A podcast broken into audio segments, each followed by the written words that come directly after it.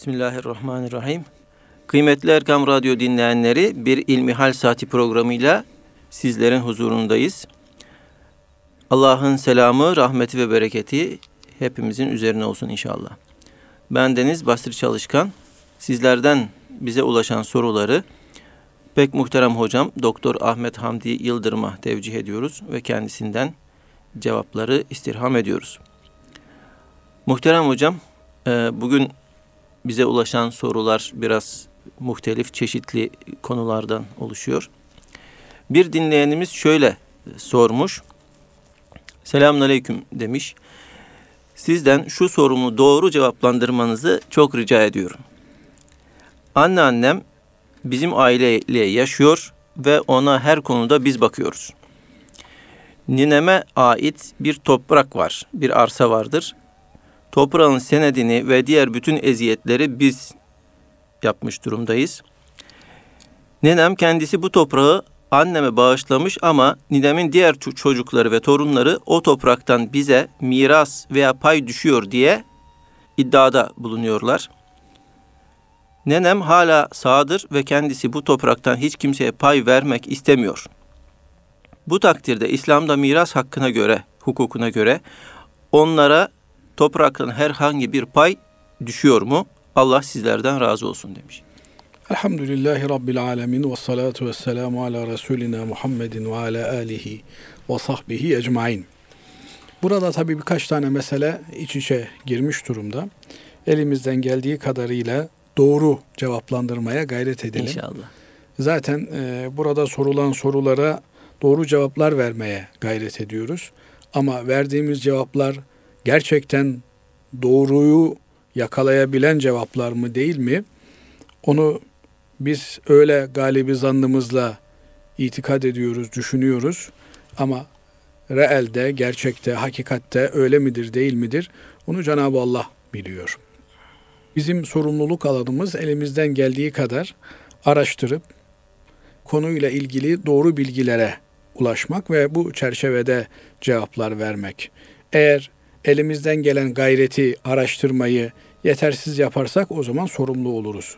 Fakat elimizden gelen gayreti, çabayı sarf ettikten sonra eğer yanlış bir sonuca ulaşmış ve buna göre de değerli dinleyenlerimizin sorularına yanlış bir cevap vermiş isek o zaman çalışmamızın, gayretimizin, sayımızın, amelimizin mükafatını alırız ama isabet edemediğimiz için de o canip bir yanlış olarak, bir hata olarak bizim hanemize yazılmış olur.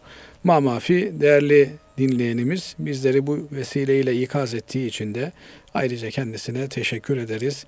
Demek ki zaman zaman belki doğru kelimesinden şunu da kastediyor olabilir Basri Hocam. Evet. Yani yuvarlamadan, evet. ortaya konuşmadan tam, net ve kesin bir cevap olacak şekilde cevabı veriniz. Yoksa bir e, itham manası da e, içermiyor olabilir. Ama bununla beraber zaman zaman yuvarladığımız demek ki ortaya konuştuğumuz ne söylemediğimizin ne söylediğimizin anlaşılmadığı da oluyor. Bu durumda sizler beni ikaz ederseniz bundan da memnun olacağımızı ifade etmek isterim. Şimdi miras nedir? Miras kişi öldükten sonra onun geriye bıraktığı mal varlığının defin işlemleri ve varsa borçları ödendikten sonra, varsa vasiyetleri yerine getirildikten sonra mal varlığının kalanının mirasçılarına bölüştürülmesi meselesidir. Binaenaleyh bir miras işleminin gerçekleşebilmesi için bir muris miras bırakan ölmüş bir kişinin olması, geride mirası alacak varislerinin yakınlarının bulunması, bir de dağıtılacak bir mirasın, bir terekenin olması gerekiyor. Binaenaleyh burada bu dinleyicimizin sorduğu soruda nenemiz hayatta. Hayatta olduğu için bir mirastan söz edemeyiz. Çünkü hayatında insanlar mal varlıkları üzerinde istedikleri gibi tasarrufta bulunabilirler. Şer'i usullere göre helal dairesi içerisinde istedikleri gibi tasarrufta bulunabilirler. Ancak vefat ettikten sonra bu tasarruf imkanı onların elinden alınır, sınırlandırılır veya tamamen artık tasarruf etme imkanı kalmamış olur. Bunu biraz açacak olursak hocam araya giriyorum. Yani e, ben öldükten sonra bu tarla tamamen şu kişiye kalsın diyemez. O diyebilir. Diyebilir mi? Buna vasiyet denir. Ha, vasiyet. Ben öldükten sonra kalsın kısmı vasiyettir. Evet. Vasiyetle ilgili de bir takım düzenlemeler söz konusudur. Mesela vasiyet eğer mirasçıya yapılmışsa geçersizdir. Binaenaleyh eğer hem mirastan pay alacak hem de vasiyet sebebiyle bir pay alacak, hisse alacak veya herhangi bir mal varlığına sahip olacaksa burada mirasçıya yapılacak olan vasiyet geçersizdir. Binaenaleyh vasiyeti bizim anladığımız farklı anlamlar da bulunuyor. Yani vasiyet e, ben öldükten sonra şu malım filana kalsın demektir. Vasiyet ölümden sonra kişinin hayatta iken ölümden sonrasına ilişkin kurduğu hukuki işlemdir. Binaenaleyh ben öldükten sonra arabam filana kalsın, dairem filana kalsın, işte daktilom filanın olsun türünden ifadeler vasiyet ifadeleridir. Bir de tabi edebi vasiyet dediğimiz, manevi vasiyet dediğimiz Ölen kişinin çoluğuna çocuğuna namazlarınıza dikkat edin. Aman pazartesi perşembe günleri oruçlarınızı ihmal etmeyin. Aman annenizi üzmeyin, darıltmayın türünden.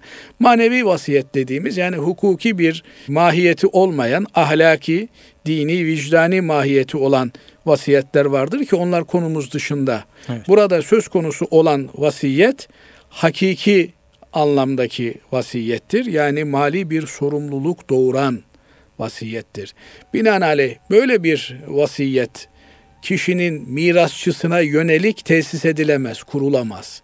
Yani ben öldükten sonra benim oğlum mirasçım olacağına göre, benim kızım mirasçım olacağına göre, eşim, annem, babam mirasçım olacağına göre, işte ben öldükten sonra arabamı hanımıma vasiyet ettim veya arabamı babama vasiyet ettim denilemez. Böyle bir durumda bir kayırma, kollama, mirasçılar arasında bir kayırma, koyur, kollama olacağı için bu caiz görülmemiştir. Çünkü miras payları Cenab-ı Allah'ın tayiniyle, tespitiyle sabit olmuştur.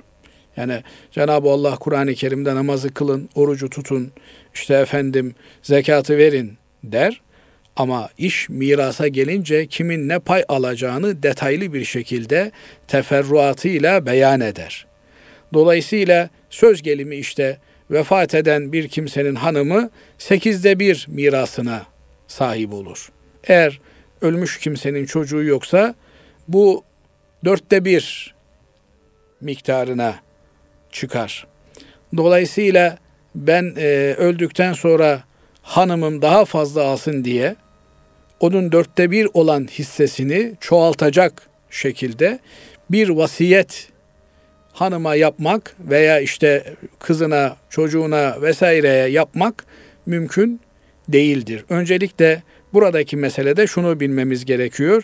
Eğer nenemizin mirasçıları arasında eğer e, soruyu soran kardeşimizin annesi varsa ki var kızı çünkü evladı evladın mirastan mahrum olması söz konusu olamaz.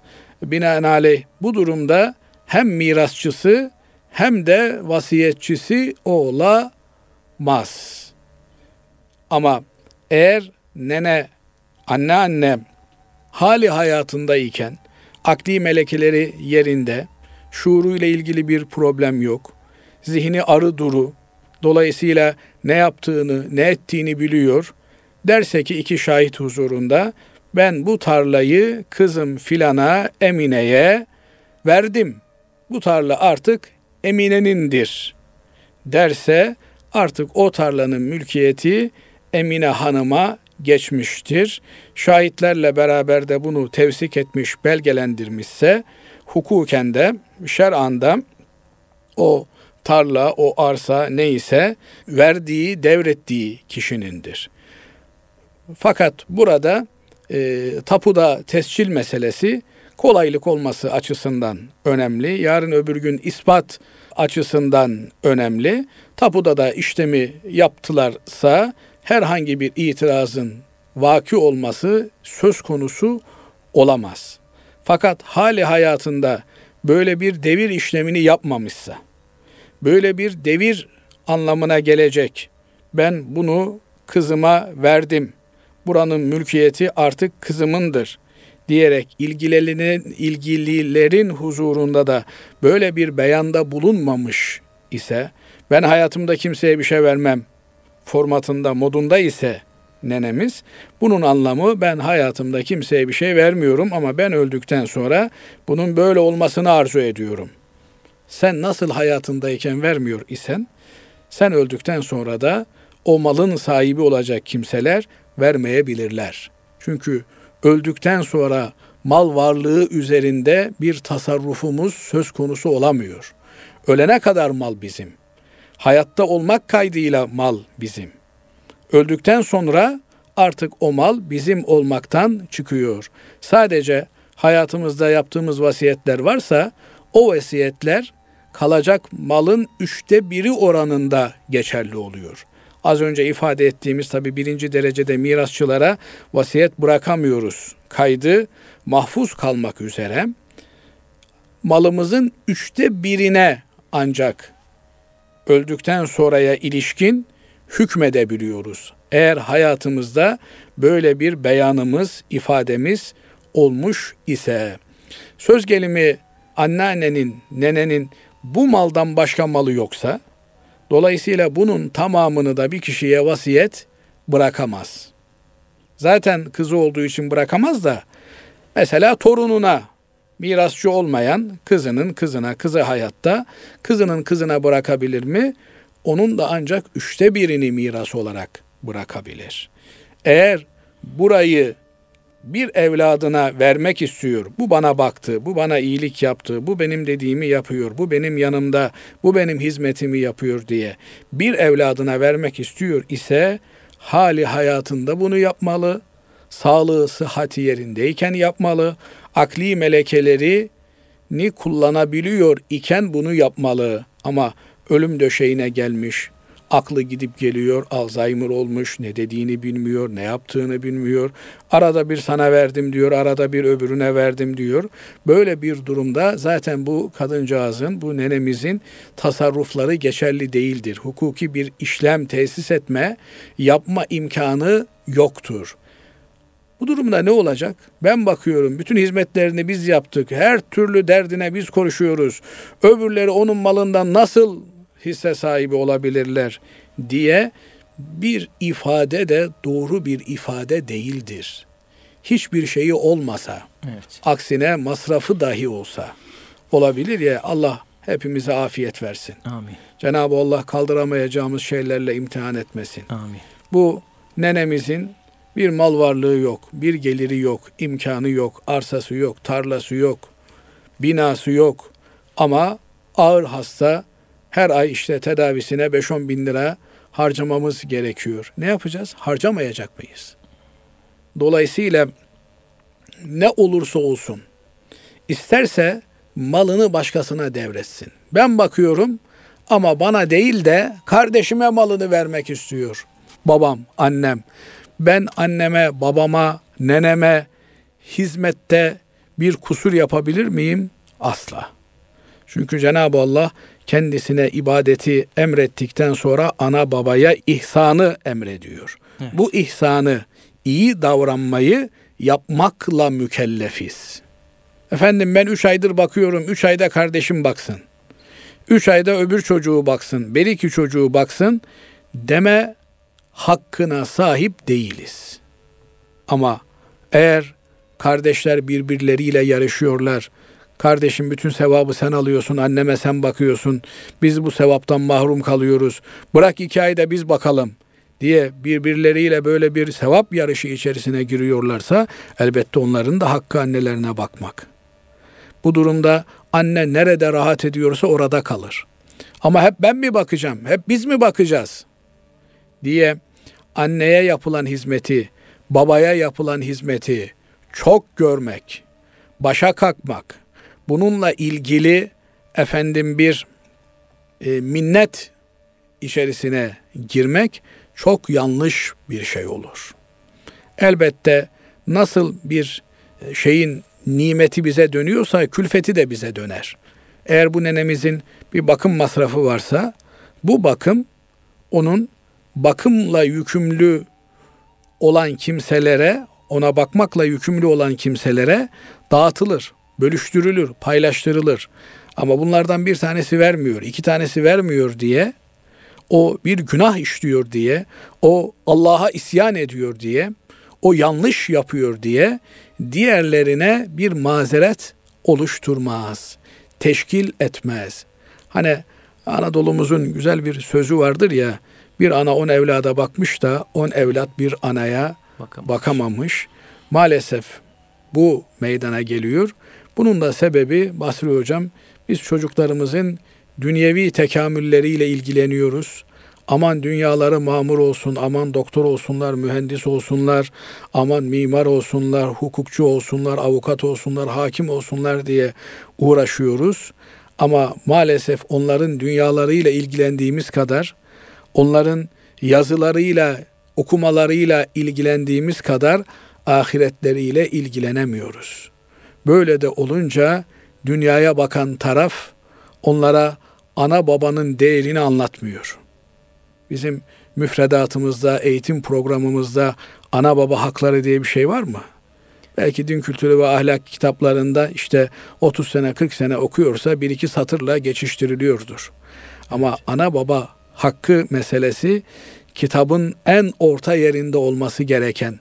Az önce ifade ettiğim gibi Cenab-ı Allah kendisine ibadetin, kulluğun hemen ardından ana babaya iyilik yapmayı emrediyor. Allah'tan başka hiçbir kimseye ibadet etmemenizi ve anne babanıza iyilik yapmanızı Allah hükmetti diyor. Müteaddit ayeti kerimelerde bu ifadeye vurgu yapılıyor. Dolayısıyla eğer huzurlu bir ihtiyarlık dönemi yaşamak istiyor isek, öncelikle kendi anne babalarımıza iyi davranmamız, ana baba hukukuna riayet etmemiz gerekiyor. Çünkü her günahın cezası ahirete tecil edilir. Ama ana babaya isyanın, okuk, karşı gelmenin, ana babaya karşı efendim itaatte kusur etmenin cezası dünyada verilir. Onun için Efendimiz Aleyhisselatü Vesselam bir defasında bir mecliste üç defa amin diyor. Ashab-ı kiram efendilerimiz diyorlar ki ya Resulallah neye amin dediniz? Efendimiz Aleyhisselatü Vesselam da buyuruyor ki hepsini teker teker anlatıyor. Bunlardan bir tanesi de işte ana babasının ikisi veya bir tanesi adamın yanında yaşlanır da onun sayesinde cennete giremezse bir kimse yazıklar olsun ona. Cehennem ona olsun dedi Cebrail aleyhisselam. Ben de amin dedim. Dolayısıyla hiçbir şekilde ana babayı darıltmamak lazım, gücendirmemek, küstürmemek lazım. Bu noktada dünyevi mala mülke de itibar etmek doğru değil. Varsın dünya eksik kalsın ama ahiret açısından annenin babanın duasını kazanmamız gerekiyor. Evet hocam. Allah razı olsun. Muhterem hocam bir dinleyenimiz şöyle sormuş. Gayrimüslim bir okulda faaliyet öğretmeni olarak çalışmak caiz midir? Burada faaliyet öğretmenlerinin gayrimüslimlerin dini ritüellerini ve e, kültürel bazı faaliyetlerini de çocuklara öğretmek durumunda olduğunu da eklemiş. Evet yani burada Hazreti Mevlana'nın güzel bir sözü var. Olduğun gibi görün, göründüğün gibi ol diyor. Bizde itikat amel birlikteliği esas. Bir kimse inanmadığı bir şeyi söylememeli, yapmamalı. Dolayısıyla inandığı gibi yaşamalı, inandığı gibi konuşmalı. Nitekim ayeti kerimede lime tekulune ma la tef'alun yapmayacağınız, yapmadığınız şeyleri niçin söylüyorsunuz buyuruyor. Dolayısıyla eğer bir kimse e, gayrimüslim bir okulda e, Hristiyanlığı öğreten söz konusu veya Yahudiliği öğreten, ne bileyim Budizmi öğreten bir okulda bir Müslüman öğretmenlik yapabilir mi? Eğer öğrettiği şeyin dinle, diyanetle alakası yoksa, matematik öğretiyorsa, efendim ne bileyim Türkçeyi öğretiyorsa öğretmenlik yapabilir. Ama Hristiyanlığı öğretmek ise Hristiyanlığı öğretirken de bir bilgi boyutuyla öğretmek var. Yani Hristiyanlar şunlara inanırlar, böyle yaparlar. Onları tanımaya, onları anlamaya yönelik bir öğretim olur.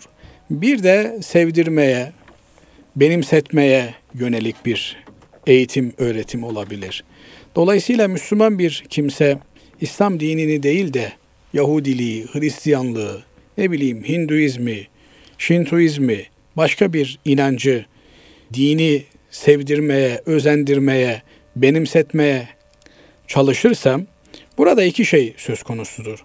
Ya onun Müslümanlığı lafta bir Müslümanlıktır, sözde bir Müslümanlıktır, özde bir Müslümanlık değildir. Çünkü her din mensubu kendi dinini, inancını önceler ve onu öğretmeye, onu benimsetmeye gayret eder. Dindarlığın olmazsa olmaz vasfı budur. Evet. İnsanlar özellikle de Müslümanlıkta bu diğer dinlerden çok daha farklı bir şekilde tezahür eder. Bizim sahip olduğumuz inanç esaslarımız, amel esaslarımız bizi cennete götürecek diye inanırız. Dolayısıyla cennette herkesin arzu ettiği, gitmeyi düşündüğü, tasarladığı, planladığı bir yer olarak karşımıza çıktığında aslında biz en değerli varlığımıza insanları ortak etmeye çalışıyoruz. Yani ben Allah'a inanmanın, peygamberine aleyhissalatu vesselam Efendimiz'e inanmanın, İslam dinini yaşamanın cennete götürecek yegane, tek kurtuluş vesilesi olduğuna inanıyorum. Ve bütün insanları da böyle inanmaya davet ediyorum. Bu inancı onlara benimsetmeye çalışıyorum. Bunu yaparken de kimseyi kırmadan, dökmeden, kimseyi rencide etmeden, kimsenin dinine hakaret etmeden, sövmeden, çünkü sövmeyi Kur'an-ı Kerim yasaklıyor. Hakareti Kur'an-ı Kerim yasaklıyor. Onların taptıkları ilahlarına eğer siz söverseniz onlar da sizin ilahınıza söverler diyor. Dolayısıyla onların ilahlarına sövmeyin diyor Kur'an-ı Kerim. Fakat ben eğer samimi bir Müslümansam, gerçekten sözde değil özde bir Müslümansam, iş icabı, görev icabı inanmadığım halde Yahudiliği Yahudi çocuklarına benimsetmeye veya işte ortadaki çocuklara benimsetmeye çalışıyorsam o zaman yani bir münafıklık ortaya çıkmış oluyor. Böyle bir münafıklığa da İslam müsaade etmez. Dolayısıyla bizim ilkemiz gayet nettir. Göründüğün gibi olacaksın, olduğun gibi görüneceksin, görünmeye çalışacaksın. Takiye inancı, olduğundan farklı görünme, kendini gösterme, saklama, gizleme böyle bir inanç bizim dinimizde, şeriatımızda yoktur. Evet. Eğer ben namaz kılan bir Müslümansam bu namazı gecenin kimsenin görmediği yerde değil, hayatın içinde tam ortasında namaz kıldığımı ifade eder ve anlatır bir şekilde, görünür bir şekilde bu namazı kılarım. Dolayısıyla ben bir Müslüman olarak ancak Müslümanlığın propagandasını yaparım. Müslümanlığı benimsetmeye çalışırım. Müslümanlığı öğretmeye gayret ederim. Binaenaleyh bununla diğeri birbiriyle bağdaşmayacak şeylerdir. Eğer böyle bir talepleri olursa birilerinin nazik bir şekilde ben Müslümanım öğretilecek tek hak ve hakikat İslam dinidir. Onun dışında herhangi bir şeyi, inanmadığım bir şeyi, kabul etmediğim bir şeyi kimseye öğretmem diyerek oradan el etek çekmelidir bir Müslüman. Evet. Allah razı olsun. Diğer bir sorumuza geçmek istiyorum. Namazda saf düzeni nasıl olmalıdır? Kişi tek başına saf olabilir mi? Tabii kişi tek başına saf olur. Ama muhakkak bir imamının olması lazım gelir. Dolayısıyla tek başına hem imam hem saf olacak hali yok. Binaenaleyh imamın arkasında bir kişi varsa imamın sağında ve imamdan takriben bir karış geride durur. Yani imamın hemen sağında yer alır. İmamın ayağıyla onun ayağı arasında, ökçesi arasında birkaç parmaklık mesafenin olması, işte bir karışlık bir mesafenin olması yeterlidir. Eğer imam olduk, arkamızda bir kişi saf var ise o bir kişinin duracağı yer imamın hemen sağ tarafıdır. Ve imamın öksesinden cemaatin ökçesi birkaç parmak geride olur. Bu kadar birbirine yakın kılarlar.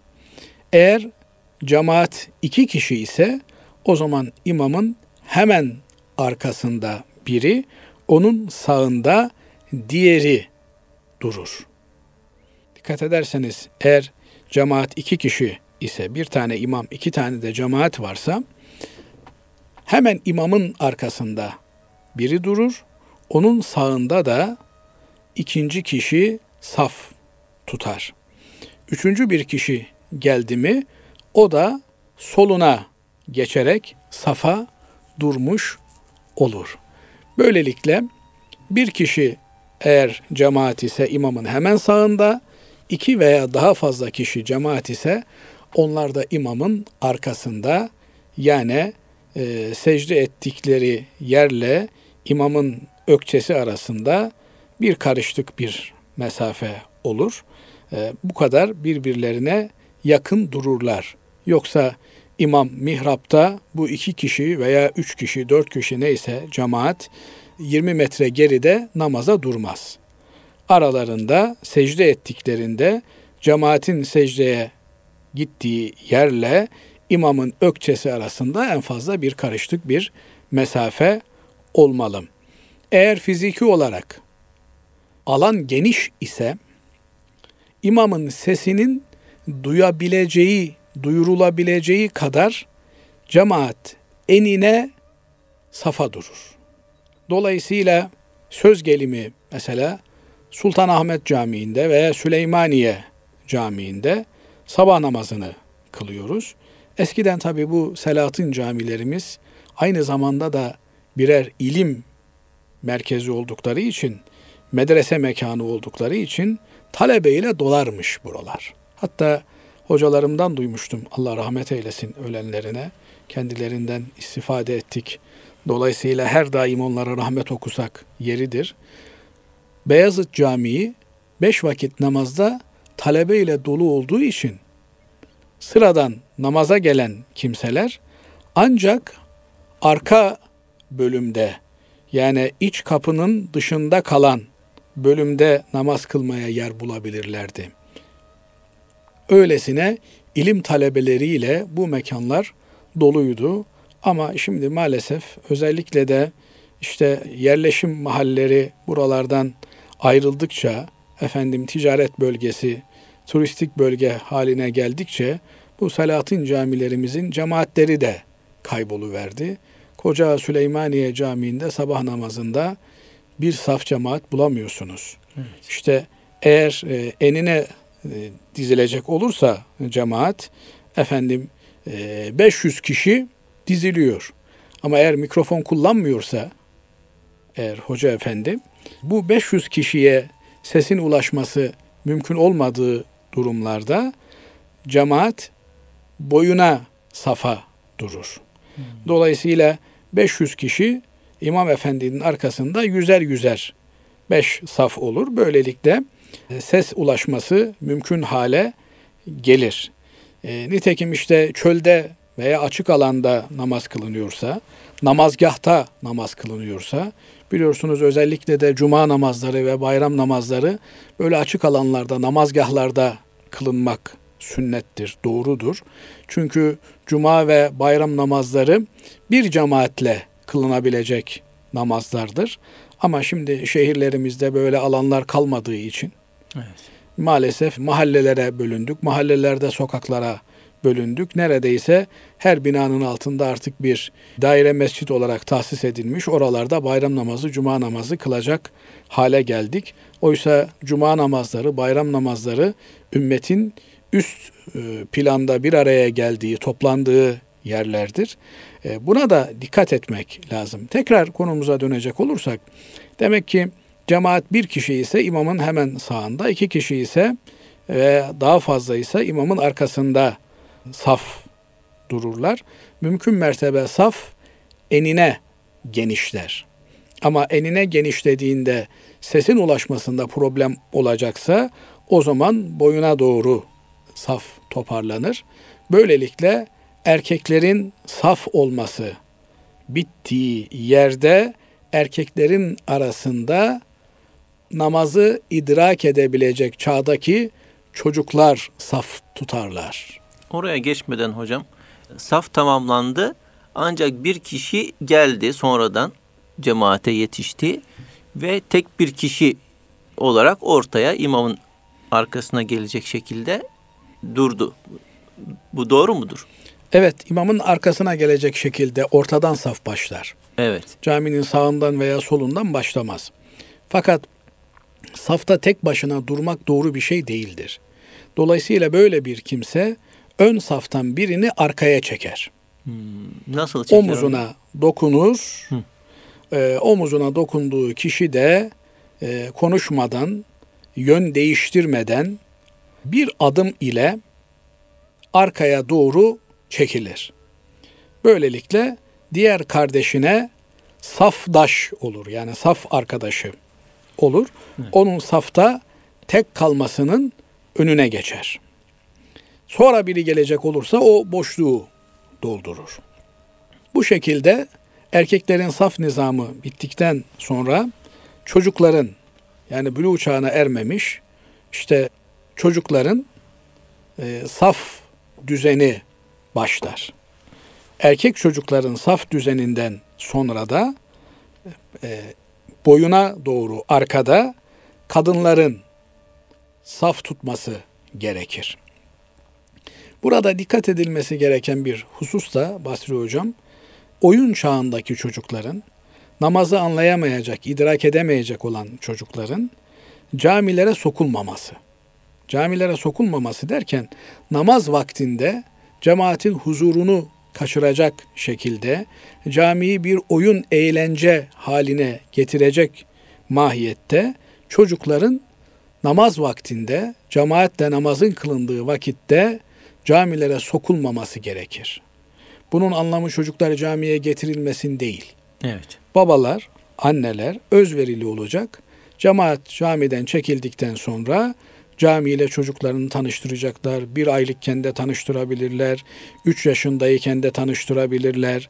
Ama çocuk camiye gelsin diye dört yaşında çocuğu camiye getiriyor babası. Kendisi namazda, namazda çocuğu kontrol edemiyor. O çocuk safların arasında dolaşıyor, çığlık atıyor, bağırıyor. Zaten pamuk ipliğiyle namaza bağlıyız. Dolayısıyla böyle bir ortamda o çocuğun namazın huzurunu, huşuğunu bozacak vaziyette olması çocuğun bir kabahati değil. Evet. Ama babasının kabahatidir. Onun bu hareketleri babasının günah hanesine yazılır. Yani nasıl biri cep telefonunu sonuna kadar açmış bağırtıyorsa namazda bu cami adabı ile edebiyle bağdaşmayan bir şey ise belli yani bu çocuğun hele de çocuk haşarı bir çocuksa, hiperaktif bir çocuksa oturduğun yerde onu oturtamayacağım belli. Yani bu çocuk safların arasına girecek, minbere çıkacak, kürsüye çıkacak, Allah muhafaza etsin düşecek, bir tarafını yaralayacak. Yani bunu e, yapmak doğru bir şey değil. Yani bazıları özellikle inatla işte çocuklar namaza alışsın, namaza alışsın. Amenna. Yani çocuk namazı idrak edebilecek bir yaştayken camiye getirmek lazım. 8 yaşında, 9 yaşında, 10 yaşında çocukları camiye getirmek lazım. Teker teker babalarının yanında saflarda dursunlar alışmak için. Belli bir müddet sonra safın arkasında onlar için belirlenen yerde dursunlar. Saf nizamında kendilerine tahsis edilen yerde, protokolde yerlerini alsınlar. Evet. Ama bunun şuurunda olmayan çocukları oyun oynasınlar diye camiye getirmek, işte annesi evde zapt edemiyor, cemaat zapt etsin diye camiye getirmek doğru bir davranış değil. Yani bu hususa Diyanetimizin de dikkat çekmesi lazım. Efendim çocukları camiden uzaklaştırmayalım. Yani çocuk var, çocuk var. Evet. Dolayısıyla caminin, cemaatin, namazın şuurunda olabilecek, idrakinde olabilecek, aklı bunlara erebilecek olan çocuklarımızı elbette camiyle beraber büyüteceğiz. Protokolde yerlerini göstereceğiz. Evladım senin yerin burası. Evet. Sen burada duracaksın. Kadınlarımız bu çocukların da arkasında namaza duracaklar. Dolayısıyla bizim camideki saf düzenimiz hayata bakış açımızı da özetliyor. Yani bu noktada girişkenlik anlamında, yer işgal etme anlamında saf düzeni neyse hayat düzenimiz de odur. Binaenaleyh e, kadınlarımızın arkasında da kız çocuklarımız safa dururlar. Bu şekilde kadın erkek ihtilatına, e, karma duruşlarına fırsat verilmemiş olur. Evet. Bir de hocam bu safın doğru yapılması, düz tutulması meselesi hakkında ökçeler mi yoksa parmaklar mı? Ökçeler esastır. Esas alınan. Esas alınan ökçelerdir. Onun için şöyle hafiften arkaya bakıp ökçelerin düz olup olmadığı. Çünkü arkadan bakan biri böyle düz bir çizgi gibi görmeli bütün namaz kılanları. E kiminin ayağı 38 numaradır, kimininki 52 numaradır. Evet. Dolayısıyla eğer parmak uçlarına göre tanzim edilecek olursa arkadan girintili çıkıntılı bir manzara ortaya çıkabilir. Ama ökçelere göre esas alınır. Dolayısıyla arkadan böyle dümdüz bir çizgi gibi olmalıdır. Saf düzeni çok önemlidir. Saflarını düzeltemeyen bir medeniyet inşa edemez. Evet. Dolayısıyla bizim namaza başlamamız 4-5 dakikayı almalı. Yani her bir safın düzeni, intizamı önemli. Olsun nasıl olursa olsun yok böyle bir şey. Yani imam efendilerimiz bu hususta inisiyatiflerini kullanmalılar. Ona göre safların arasındaki küçük çocukları gayet tatlı, nazik bir dille, şeker dille arkaya doğru davet etmeliler. Bunu ikaz etmeliler. Her defasında mı? Evet her defasında bunu söylemek lazım. Saflar sık olmalı. Gelişi güzel, lakayt, bol, rahat saflar olmamalı. Ne kadar saflar sık olursa kalpler o kadar muhabbetle birleşir. Dolayısıyla tabi bu sıklıktan maksat ruhen birlikte olabilmek, manen birbiriyle ilgili olabilmek. Dolayısıyla birbirini iten değil, birbirini çeken, birbirine yapışan, Efendimiz Aleyhisselatü Vesselam'ın ashabına öğrettiği hususlar bunlar. Sahabe-i kiram efendilerimiz diyor ki bizim elbiselerimiz diyor ilk önce omuzlardan yıpranırdı diyor. Niye omuzlardan yıpranıyor? Çünkü o kadar sık ki birbirine. İşte rüküye giderken, secdeye giderken sürtünme oluyor. Sürtünme neticesinde yıpranıyor, yırtınıyor, eskiyor. Evet. Yani dolayısıyla saf düzeninde bu sıklık önemli. Şeytan aralarda dolaşır. Yani ben maalesef bakıyorum saflarımızda hakikaten bir lakaytlık söz konusu. Bu hususu ciddiye almamız gerekiyor. Evet. Evet. Bir diğer sorumuz hocam. Kıyametin ilk alameti güneşin batıdan doğuşu mudur? diye sormuş. Kıyametin ilk alameti güneşin batıdan doğuşu değildir. Kıyametin birçok alameti var. Efendimiz Aleyhisselatü Vesselam'ın peygamber olarak dünyaya gönderilmesi de kıyametin bir alametidir. Çünkü son peygamber. Şimdi aslında dünyanın yaratılmış olması ilk alamettir. Çünkü her sonradan meydana gelen yok olmaya mahkumdur. Dolayısıyla yaratıldıysa bunun bir sonu var, bir ömrü var, bir neticesi var demektir. Kıyametin alametleri çok üzerinde durmamız gereken önemli bir hadise. Niye? Çünkü Efendimiz Aleyhisselatü Vesselam'ın yanına Cebrail Aleyhisselam gelip dizini dizlerine dayayarak sorduğu dört sualden bir tanesi kıyamet ne zaman kopacak? Efendimiz Aleyhisselatü Vesselam'ın cevabı soruyu soran sorduğu kimseden bunu daha iyi bilse gerektir. Şeklinde olunca bu sefer sorunun şeklini değiştiriyor. Kıyametin alametleri nedir diye soruyor. Yani kıyametin yaklaşmakta olduğunu nereden anlayacağız? Nitekim Kur'an-ı Kerim'de iktarabetis saatu ve şakkal kamer diyor. Kıyamet yakın oldu, ay ikiye ayrıldı diyor. Demek ki ayın ikiye ayrılması da kıyametin alametlerinden bir alamet. Dolayısıyla Efendimiz Aleyhisselatü Vesselam'ın bu hadisin sonunda Cebrail size dininizi öğretmek üzere geldi ifadesinden anlıyoruz ki Cebrail'in sorduğu ve Hazreti Peygamber Aleyhisselatü Vesselam Efendimizin cevabını verdiği şeyler dini öğretiyor. Bunlar ne? İmanı soruyor, İslam'ı soruyor, ihsanı soruyor ve kıyametin alametlerini soruyor. Dolayısıyla kıyametlerin alametleriyle ilgilenmek, bunları takip etmek Müslüman olmamızın bir gereği. Peki kıyamet alametleri derken ne var? Kıyametin büyük alametleri var. Orta alametleri var, küçük alametleri var. Kıyametin küçük alametleri Efendimiz Aleyhisselatü Vesselam'ın hadislerinde dile getirilen, orta alametleri, büyük alametleri hep dile getirilen şeylerdir. Bunlarla ilgili belki özel bir bölüm yapmak lazım. Çünkü çok tafsilatlı bir evet. meseledir bu. Ama hakikaten bilinmesi, öğrenilmesi gereken bir şey. Efendimiz Aleyhisselatü Vesselam söz konusu az önce anlatmaya çalıştığımız Cebrail hadisinde kıyamet alametlerini işte çobanların bina yarışına girmeleri. Adam da ada çobanlık yapıyordu, deve çobanlığı yapıyordu.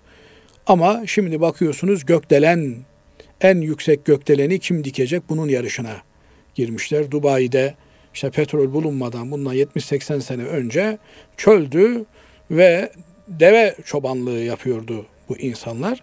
Şimdi bina yarışına girmişler. İkincisi de cariyenin efendisini doğurması.